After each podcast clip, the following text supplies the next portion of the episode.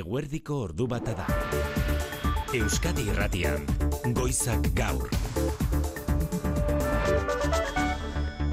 Arratxalde eta urte berri on guzti guztioi, susto galanta hartuta abiatu dute 2000 eta hogeita laua errenterian gauerdiarekin batera, sua piztu baita sorgintxu lokaleko eraikin batean itxura guztien arabera suziri batek eraginda. Antza eraikineko patioak hartu duzu eta inork minik hartu espadu ere gutxienez etxe bizitza batek kalte handiak ditu bertako familiak dena galtzeraino. Non bat etxeferun bat ez da egiten ondikan e, luzala eta ni laugarren nineon da gunienakan harpa zintzili bino ne aldamenekua. Ja zintzili zitun da, ari ja arreza jo, osea, laugarren nitikan gora. Libratu dugu, gu libratu dugu, baina nire ondokoak balkoia dana kiskarita daka, e, lehioak e, hautsita, Lau parketako suhiltzaileek hartu dute goizaldean parte sua itzaltzeko lanetan eta bi bizilagun hartatu dituzte antxietateak jota. Hain justu gaur bete dira amar urte errenteriatik oso hurbil trintxerpen bengala batek iraikin osoak iskali zuela berrogeita bi familia etxerik gabe utzita. Berehala errenterian gertatutakoaren berri bertan izan den Jone Larrañaga lankidearekin eta aizpea ota egi errenteriako alkatearekin. Sustoa beste dimentsio batean handiagoa eta orokortuagoa izan dute urteko lehen egunenetan Japonian Richter eskalan zazpiko malau graduko lurrikarak astindu du Japonia mendebaldea eta horrek tsunamia ere eragindu. Mendebaldeko hainbat provintziatan metro eta hogei zentimetro egindu gora itxasmailak eta tsunami alertak indarrean jarraitzen du eta ez soilik Japonian baita ego eta ipar korean eta Errusia ekialdean ere Japoniako gobernuak dei egin di herritarrei babes dezaten eta kalteen balantzerik ez du egin oraingo hori bai ziurtatu duena da azpiegitura nuklearrek ez dutela itxuraz kalterik jasan. Gainerakoan urte berriak Euskal Herrian utzi dezakenari begiratuko diogu albistegi honetan, esparru politikoan batetik gutxienez bi hauteskunde izango baititugu gurean Eusko Legebiltzarra aukeratzeko hauteskundeak, oraindik datarik ez dutenak, eta Europako Parlamentua aukeratzeko bozketa ere bai hori ekainaren bederatzean izango da. Ekonomiari dagokionez, inflazio altuak baldintzatuta hasiko dugu urtea, garestitu egingo dira argindarra, gasa, ura eta udal zergak naiz eta urteak aurrera egin ala inflazioa pixkanaka apaltzen joango dela aurrikusten duten adituek. Eta urteko lehen egunak dakartzan tradizioen artean, lehen aur jaio berriak nortzuk eta nongoak diren kontatzearena, ba aurten Martina izan da Euskal Herrian jaio zaigun lehen aurra, Mendaroko ospitalean, gauerdia jo eta hogeita bi minutura, Martinaren amarekin, Nagore Ugalderekin hitz egin dugu Euskadi Irratian. Urte berrixa, e, sorpresa da ilusio berrixakin hasi dugula. Urte mintzat berezi berezixa. Urte berrixa, arte berrixa, eta bueno, uke titulo berrixakin hasi dugu. Aitzata mara tituluakin, tometxo batekin, martinakin, orduan e, ilusio berrixakin baitea, bunieto ba. Beste tradizioa urtea mendian astearena izan ohi dugu Euskal Herrian eta mundu zabalean berriz.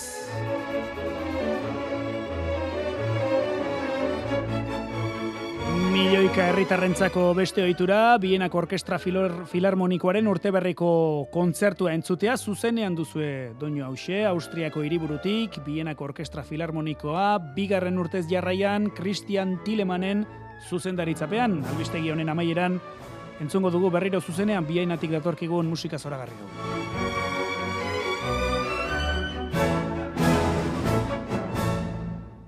Eta albistegia amaituta kirolen berri ere jasoko dugu. Aurrera pena, arretxo iribar, arratxaldeon. Baita zuri ere tradizioekin jarraitu, urte berri egunez, tradizioa da, eibarko astalena frontoira joatea. Ba, antxe gaur, altunak eta martijak, hiru eguneko atxedena bakarrik izan duten peina eta albizuren aurka jokatuko dute eskuz bibitako txapelketako partida. Atzo, hartolak eta imazeko hogeita bi eta hogeita bat irabazi zieten, pelio etxe berriari eta zabaletari.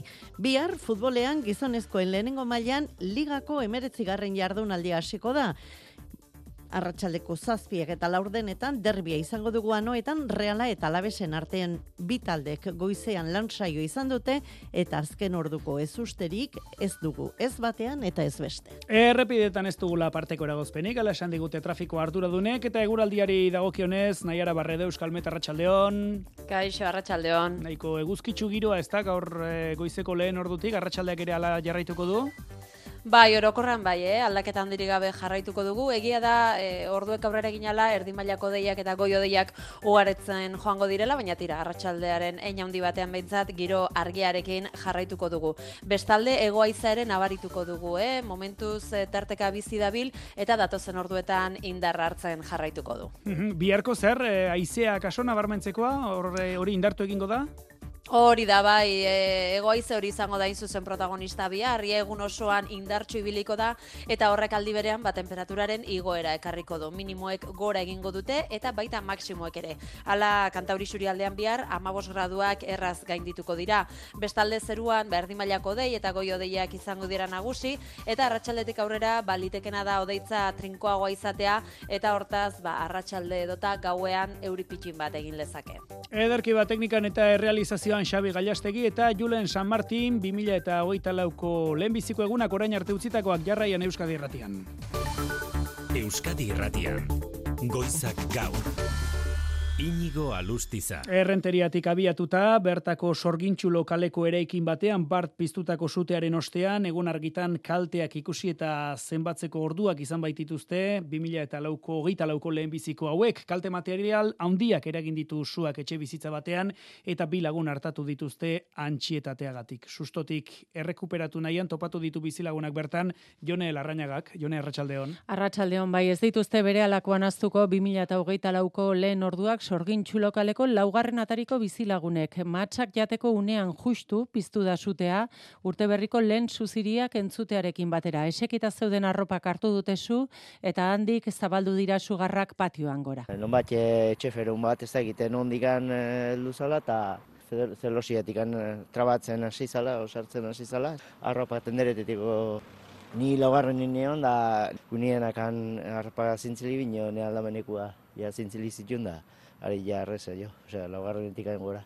Laugarrenetik gora, modu ikusgarrian zabaldu dira sugarrak, barruan askori sua zela jabetzea kosta egintzaio nola nahi, elkarri abisua emanez eta suhiltzaileen noarrei segika gero utzi dituzte euren etxeak gauerdian. Bidasoa, Donostia, Tolosa eta Zarauzko suhiltzaileak aritu dira itzaltzelanetan, ordubiak pasa zirela geratu da guzti zamatatuta sua. Behetik gora, banaka-banaka itzuli dira bizilagunak euren etxeetara, amaikagarreneko beste bizilagun honek kontatu digune hiruak aldea hola utzi zuten ja igotzen, da gu libratu dugu. Gu libratu dugu, baina nire ondokoak balkoia dana kiskarita daka, e, lehioak e, hautsita, da, bueno, da goik partean, ba, okerrago.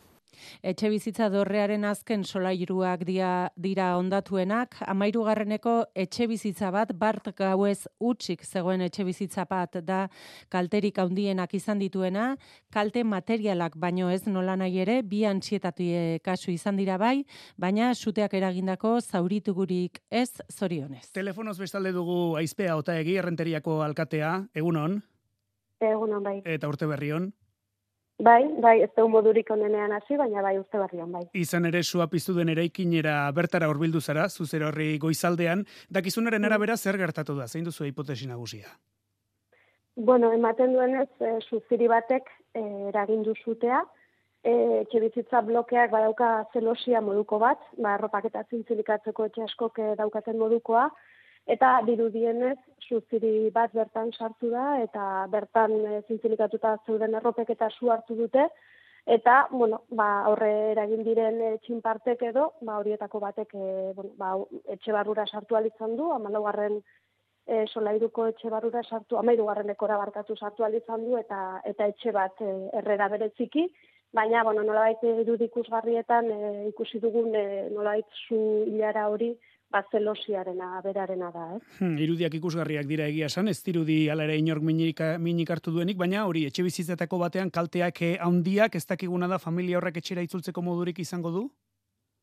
Ba, ez egia esan ez, e, bueno, hori da nola bait, e, hori, zuk diozun bezala ikusgarria izan zen zutea, e, bueno, kalte pertsonalik ez dugu e, bueno, ba, pairatu eta hori berri hona da, baina etxe bizitza bat geratu da erabili ezinik, eta bueno, ba, bizilagun guztiek atzo goizaldean bertan etxera itzuli ahal izan batzuten ere, ba, erredan etxe honetako bizilagunek ez zuten etxera itzultzerik izan, eta tarte batean ez zute ez dute itzultzerik izango, ba, larria izan delako sutea.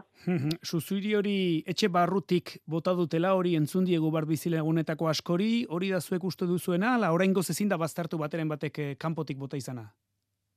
Bueno, etxe bizitza barrura kanpotik sartu da. Hori ala dela esan dezakegu, etxe barruan momentu hartan ez zegoelako inor. Ez dakiguna da eta ikertzen ari direna da suziri hori nondik e, etorri izan, ez? E, suziri horren jatorria e, nongoa izan zen, baldin eta uste dan bezala ba, suziria izan baldin bada, suziri batek eragindako zutea izan bada, hori da hipotesi nagusia eta, bueno, ba, era bate, bai ez ez badago ere, ba, hori ala izan dela esan daiteke, ez da, e, obioa izan daiteke, hori ala izan dela pentsatzea, baina, bueno, edo kasutan ikerketa irekita dago, eta ikerketak berak esan beharko du, ba, suziriak eragindako zutea izan den, eta suziri horren jatorri zehatza, ba, aldan neurrian, ba, zein dan ezagutzea izango da ikerketaren xedea. Atxiloturik, ala identifikaturik baute den badakizu? Ez, momentuz ez. Hmm, 2000 eta emeretzitik, bai, hmm, 2000 eta emeretzitik zara alkate errenterian, urte zargauean jaurtitzen diren suzili, suziri, bengala eta bestelakoen arriskua burua ustea izaten da alkatentzat gaurko egunez? Bueno, ia esan urteak dara matzagu, ba, bueno, ba, suziririk erabilez badin eta petardo eta koeterik eta alakorik erabilez badin eskatuz, ba, azkenean e, arrazoi desberdinak tarteko, baina arrazoi garrantzitsu bat justu bart gertatuen hau da, ez? E, suteak eta itezkela itxuzitzetan, eta, eta, bueno, nik uste dut eskualde, honetan gainera atzo danak akordatu ginela, trintzartzen duela marrurte bertatutakoarekin, eta bai, nik uste dute kontzientzia behar dugula, ez? e, bueno, ba, denok dugu guztoko urte zahar e, gauez urte berriari ongi etorri amateko, ba, suan ikustu dut oso elementu erakargarria dela, baina konstiente izan behar dugu dituen arriskuez, eta nik uste dut erabilera ekidin beharko genukela. Ba, izpea ota egi errenteriako alkatea, eskarrik asko urte berri egun honetan eh, Euskadi Irratien izategatik. Eskarrik asko. Ondo izan bere ala gogoratuko dugu zer gertatu zen trintxerpen duela amar urte, baina azken orduotan errenteriago zuteaz gain izan ditugu, bestelako gertakari batzuk, suak eta liskarrak eta borrokak ere bai, oian nahi ustos. Bilbon izan da borroka horietako bat, goizaldeko bosta kaldera abisua jaso du ertzeintzak, hainbat persona liskar batean parte hartzen ari zirela Bilbo erdigunean, albia lorategien inguruan. Bertaratutakoan, lepoan ebakia zuen persona bat hartatu dute larrialdi zerbitzuek, eta ustezko egilea atxilotu ere bai. Aldi berean jakin dute, itxura guztien arabera borroka horretan bertan parte hartu duten beste hainbat lagunek labana eta utxitako kristalezko botilekin eragindako zauriak zituztela. Beste lau lagun atzeman ditu ertzaintzak. Beraz, guztira bosta txilotu, hogei eta hogeita sei urtartekoak ertzen etxera eraman dituzte eta datozen ordutan guardiako epailaren gana eramango dituzte deklaratzera. Nafarroan sei lagun atxilotu ditu foru zaingoak horietako bat emakumen aurkako indarkeria kasu batekin lotuta hau zen. Eta zutei dagokienez ba eskuartza txikiak izan dira ia lurralde guztietan, tolosan adibidez, persona bat harin zauritu da, suziri bat botatzera zijoanean, lerketak sute txiki bat piztu du etxea, baina ertzainek itzali dute. Bizkaiko suhiltzaileek aldiz, beste hau nabarmendu dute, 2000 eta hogeita laua izan dela espaldiko urtetan, gertakari kopuru txikiena izan duen urtea, eta herritarrei eskerrak eman dizkiete. Trintxerpen esan bezala duela amar urte, kiskali zen era bat, etxe bizitza eraikin bat, itxuraz bengala baten ondorioz, eraikina egurrezkoa zen eta telatuan hasi zen sua bere zabaldu zen, eraikina era bat kiskaliz berrogeita bi familia etxerik gabe gelditu ziren, baina zortzi urteko borrokoak gogorraren ostean euren etxetara itzulia izan zuten bidean nola nahi ere, etzen erraza izan arantxagirre. 2000 eta malaugarren urteari ongi etorri eman berritan heldu zen zori gaiztoko albistea, sute piztu zen etxe bizitzaren telatuan eta asera batean sute txiki bat zirudiena bere ala zabaldu zen. Es una pesadilla, algo muy, muy cruel algo muy injusto. Cuando fui a bajar la perra me di cuenta que... La... izan zela dio bizilagun honek, asera telatuaren eskina batean hasi zen sutea bere ala zabaldu zen, eta suhiltzaileak iritsi zirenerako telatuaren laurden bat jada era bat suak hartuta zegoen. Manuel Gonzalezen testigantza da, etxea galdu zuen sute hartan, bertan bizi ziren beste hainbat familiak bezala. Berrogeita bi familia bizi ziren bertan, denak onik atera ziren, baina dena galdu zuten, eta zortzi urte behar izan zituzten etxere itzultzeko. Zortzi urte luze izan dira, bidean estuasun ekonomikoak pasa behar izan dituzte, batzuk hipoteka ordaintzen jarraitu behar izan dute, beste batzuk berriz hipotekaz gain beste etxe bateko alokairu ere bai. Ocho años sin venir por aquí, la gente de muchos apuros económicos. Había gente, bueno, mi sogra de... Sutea itxas bengala batek sortu zuela zabaldu zen, baina ezin izan da hipotesi hori frogatu. Hamarkada bat pasa ondoren trabak traba trintxerpeko sute hartako bizilagunek euren etxetara itzulia izan dute, arro daude euren borrokak emaitza ona utzi duelako eta gogoan dituzte euren egoera beretsuan egon eta etxerik gabe geratu direnak.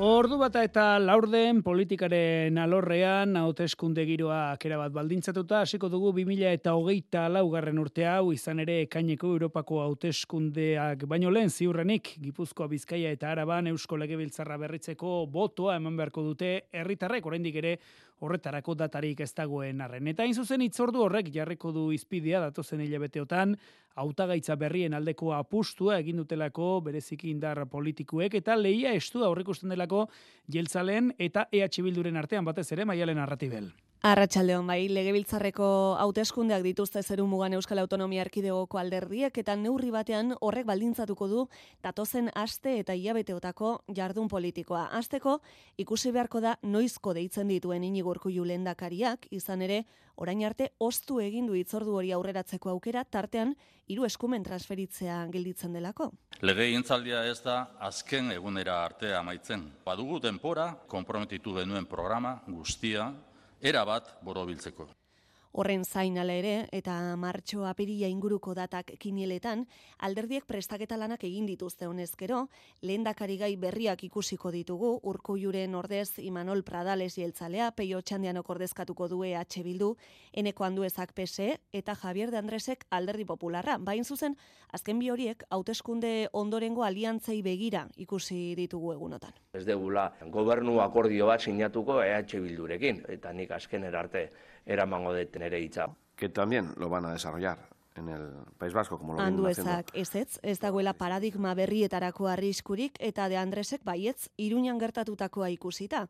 Argitzeke dago bestetik Podemosek eta Sumarrek bat egingo ote duten, eta legebiltzarrearen berritzeak ekarriko ote duen azkenean, lehen ere aldaketa bat.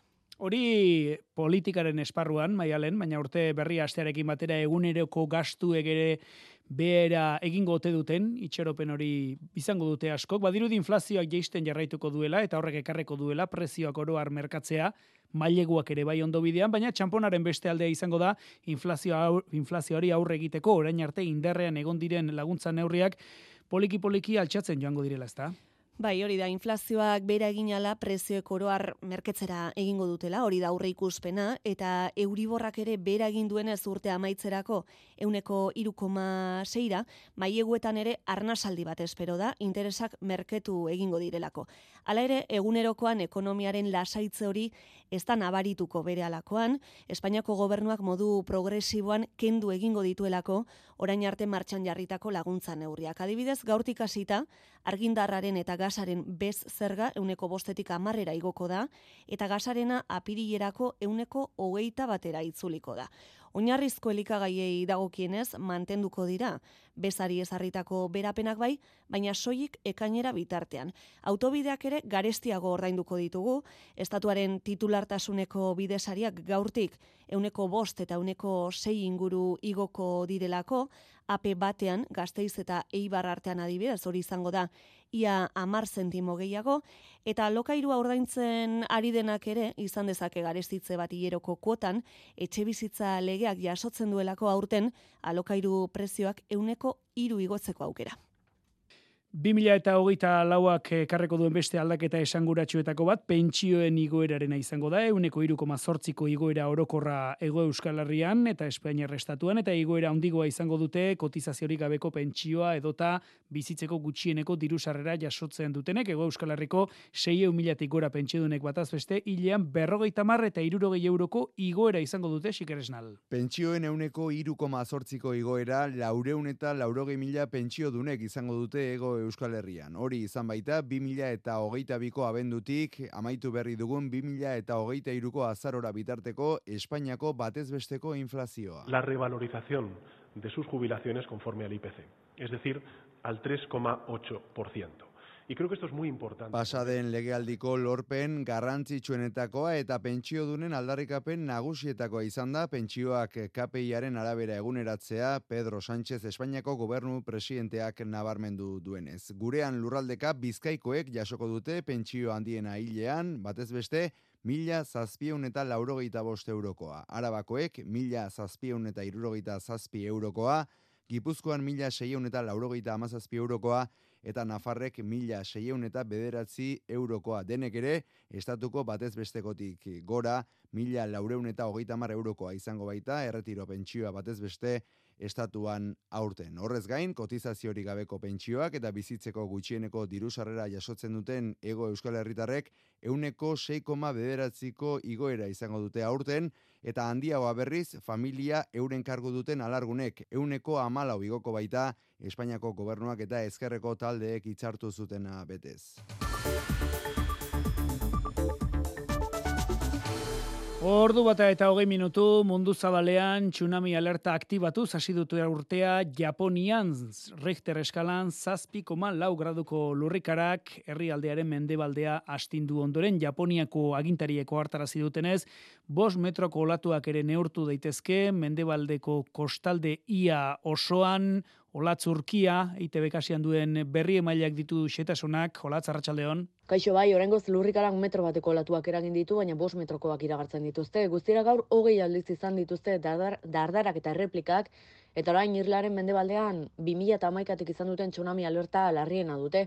Noto eta Ishikawa eskualdeetan, kostan, agintariek herritarri itxasutik alden du eta altura handiagoa duten lekuetara igotzeko eskatu diete gaur sare sozialetan edatu dituzten irudietan ikusten da lurrikarak Japoniako hiri desberdinetan sortu dituen dardarak. Mendebaldean hainbat eraikin suntxitu dira eta errepideetan edo non ikusten dira pitzadurak. Eraikinetatik jendea garaiz atera dute eta horrengoz behintzat ez dute hildakorik baiezatu. Japonian gainera hiriak ondo prestatuta daude horrelako dardarak jasateko. Prentxaurrekoan Japoniako zentral nuklearren arduradunek ziurtatu dute, kostako zentral nuklearretan ez dela ezer arrarorik atzeman eta dena kontrolpean dutela. Japonian oso ohikoak dira lurrikarak eta denek gogoan dute 2011ko tsunamiak Fukushimako zentral nuklearra suntsitu ondoren sortu zuen tragedia.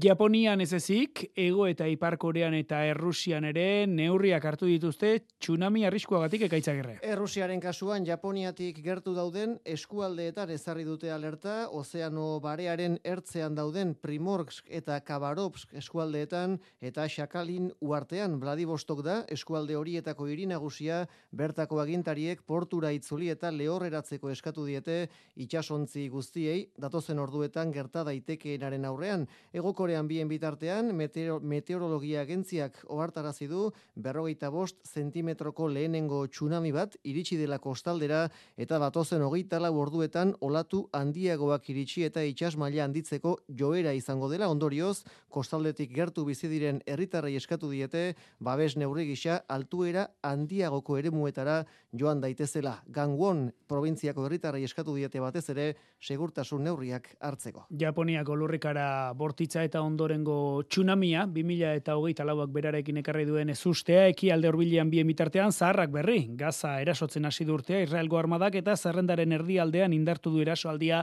azken orduotan. Hogeita 2000 palestina dira urriaren zazpiaz geroztik, Israelek gazaren aurka egindako erasoetan. Erasoetan azkenak, al-Nusairat errefusiatu ere muaren eta Jan Junis iriaren aurkakoak izan dira, eun eta berrogeita amar palestinar hildira erasoetan, eta ia irureun zauritu Gazako osasun arduradunek jakinarazi dutenez, ia hiru hilabetez luzatzen ari den oldarraldian Gazako ere muia guztiak bombardatu ditu Israelgo armadak eraikinen euneko irurogeita marretik gora birrinduz. Kaixo bai, orengoz lurrik Ondakinen artean aritu dira, goizeko bombardaketen ondorioz behera erori diren, eraikinen azpian, bizirik egon litezkeenak atera nahian, Benjamin Netanyahu Israelgo lehen ministroak berretsi du, gazako gerrak hilabeteak iraungo dituela, eta helburu guztiak lortu arte jarraituko dutela erasoek, jamas suntsitu eta bere esku dituen, eun eta hogeita bederatzi baituak askatzea jarri du lehentasunetan jahuk, orain goz urrunak diru diten helburuak. Eta denboran atzera eginda egun seinala deklaratu izan zen Mexikon, Chiapasen duela hogeita amar urtekoa. Zapatistek altxamendua abiatu behizuten, armak eskuan hartuta, aurre egin zioten garaiko gobernuari, herrialdeko indigenen eta nekazarien pobrezia salatu eta euren eskubideak aldarrikatzeko. Hogei herrialdetatik joandako ordezkariek hartuko dute parte, gaurko ospakizun ekitaldietan ere apikabea. Askapen nazionalerako armada zapatistaren buruzagien itzaldiez gain, dantza, musika eta antzerki ikuskizunik ez da faltako Txiapaseko Altamirano eta Okosingo herrietan altxamenduak hasiera izan zuen zonaldean hain zuzen. Mila beratzen eta laurogeita malauko urtarriaren batean, Mexiko, Ipar Ameriketako merkataritza libreko itunean sartu zen, eta egun hori baliatu zuten armak eskuan, Marcos komandante ordea buruzutela, euren eskubideen aldeko borroka hasteko herrialde osoko indigenen eta nekazarien pobrezia saratu zuten hasieratik, baita indigenei kendutako lurren jabetza berreskuratzeko aldarrikapena ere. Aberastasun banaketa zuzenago baten eta Mexikoko etniek estatuaren eta errepublikaren antolakuntzan parte hartzeko eskubidea izatea eskatzen zuten. Orain dela hogeita urte hasitako zapatisten borroka munduaren aurrean eredu bilakatu zela uste dute herritarrek. Ha sido importante toda la lucha del Ejército Zapatista de Liberación Nacional para México y para el mundo porque demuestran que otro mundo es posible. Mila beratzen da laurogeita amaseiko urtarrilean Mexikoko gobernuak eta zapatistek akordioa lortu zuten konstituzioak aintzat hartu zezan indigenen autonomia ahalmena. Geroztik modu autonomoan antolatuta dituzte euren komunitateak. Ordu bat eta ia hogeita 6 minutu atzera etxean urtarrilaren batarekin batera klasikoa izan ohi da jaio berrien bilduma egitea, ba aurten Gipuzkoan eta Bizkaian ibili dira goiztiarren Euskal Herrian jaio den lehen aurra Martina izan da hoiane. Gauerdia pasa eta hogeita bi minutura egin diote ongi etorria mendaroko erietxean Martinari erditze erraza izan dela kontatu digun nagore ugalde amak oso ona izan oso bizkorra izan, oza, kanpaiak entzudunten gebizela e, preparatzen hasi eta hori minutuan ja e, jaiota zegoen hasi, ezin nahi, e, ezin nahi jau. Lehen orduak lasaiak izan dira jan eta lo egindu Martinak eta goizean jakin dute gurasoek Euskal Herrian jaiotako lehen aurra dela euren alaba. Gaur goizien entero gara horretaz, e, enfermerek eta esan da, baina bai, ez genduan espero bez, baina bueno. Bere esan, inusente gunerako, e, adondako eta sortzirako, baina bueno, Urte berri itxura ez gisa gustau jako e, fetxe hori baino. Urte berri e, sorpresa da ilusio berri xakin hasi dugula. Titulo berri xakin hasi dugu. E, Aitzata ma da tituluakin, tometxo batekin, martinakin, orduan e, ilusio baitza, bunieto gotalagoa. Jaiotako bigarren aurra neskatila ere bai, bizkaian gurutzetako erietxean, noa, iru kilo pasarekin, unai Bartolomea aita. Pues hoy ha nacido Noah, que ha nacido a la 1 y 20. Pues nada, hemos celebrado la noche vieja pues aquí. En, en Eta beranduago etorri dira gainerako erditzeak. Eta gure artean beste ohitura urte zarra mendiren batera igotzea, asko urtez urte egiten duten ohitura da hori, asko etxean familia artean ospakizuna egitea, baina nahiago izaten baitute urtea horrela astea, gorbiako aterpetxean esaterako urtero izaten dituzte gonbidatuak bertan Euskadi Erratiko Faktorian gaur goizean kontatu diguten ez arrantxa. Bart esaterako amabos bat lagunek pasa dute gaua bertan, tartean baita amarrila beteko aurtso batek ere. Hala kontatu digu, Joseba Elorrietak gorbeiako aterpetxeko arduradunak otordu berezia izaten dute gabon zarrez eta goiztarri biltzen dira. Berak azopa, lehenengo plater eta gero makailua bizkena. Eta gero ba, trenes batzuk, eta turroi, eta e, bo, zera, bomboiak, eta olako zera, txampana purtsu bet, eta bueno, ba, ba, ba, oan sola salditxo bat, hitz egiten, eta elkar ezagutzen, eta ondo. Amarri diabeteko un betxo bat eukik genuen bebai, eta bueno, un, poco, ondo. Zortziak aldara faldu eta gau erdira itxaron gabe amaiketan kanpaiak jo eta matxak jaten dituzte. Eta gaur goizean, eguraldia lagun jendetza igomen da gorbei aldera. Bueno, egun zoragarria urte azteko. Mm. Eta jentea bagora, eta bera, jente nahiko txebabil.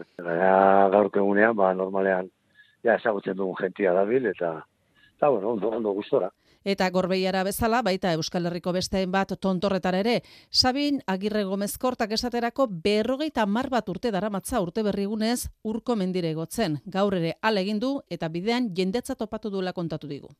Nola goldi honein daben, bat, motipe jende egisa joan gara, zaro, eibar tarrafe, gaur, e, e, egun garren urte berriuna, mm. eta ez da, ipa egun lagun jateko zian, edo bentsat, han gurutzatu dugu, ja Ere bajatzen da, ja, igotzen bide gutxi goratu hau. Eta etorri no? Eibartik eta Ermutik igotzen dira batez ere urko mendira eta bertan amaiketako egin eta ongi etorri ematen diote urteari. Gaurko hasiera baino ez da izan sabinentzat urtean zehar gutxienez beste ehun bat aldiz igotzeko asmoa duela esatik. Eta urko mendia atzean utzita, hause zuzenean, bienatik iristen zaigun doinua, orkestra filarmonikoa tradizioari utxik egin gabe ari baita, urte berri eguneko kontzertua eskaintzen orentxe. Mila bederatzireun eta berrogeita batgarren urtetik, etenik gabe egiten duen emanaldia, laurogeita laugarrena da urtengoa, Christian Tieleman Alemaniar ari da orkestra zuzentzen, bigarren aldia du, 2000 eta emeretzian ere, ark izan zuelako ardura hori, eun musikari oholtza gaineran, oiko legean, Eustraus familiako kompositoren obrak bilduz.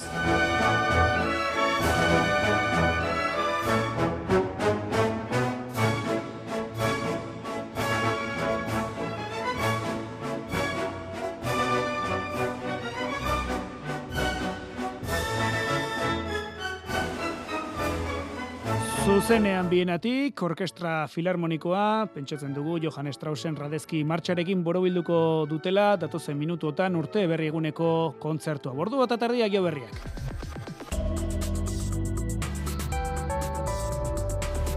Euskadi irratian, eguraldia eta trafikoa. Errepidetan ez dugu aparteko eragozpenik, ala esan digute trafiko arduradunek, eguraldieri dagokionez, zaizea izango du protagonista datozen orduotan. Arratsaldeon aldaketa handiri gabe jarraituko dugu arratsaldean, giro argiarekin naiz eta amaieran odeiak ugaritzen joango diren.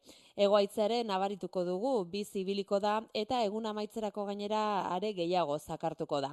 Eta biharko egunari begira, ba egoaize hori izango da protagonista in zuzen. Ia egun osoan indartsu ibiliko da eta horrek temperaturaren igoera ekarriko du. Minimoek gora egingo dute eta baita maksimoak ere. Hala, kantauri aldean bihar 15 graduak gaindituko dira. Zeruan erdimailako dei eta goi odeiak izango dira nagusi eta arratsaletik aurrera odeitza trinkotu egingo da. Orduan balitekean hemenka euri pixka bat egitea. Bihar egoaizea zakartu egingo da, enbarazu egingo du eta giroak epeltzera egingo du. Horrekin batera, baliteke arratsalde edo gau partean txoko batzuetan euri pixka bat egitea.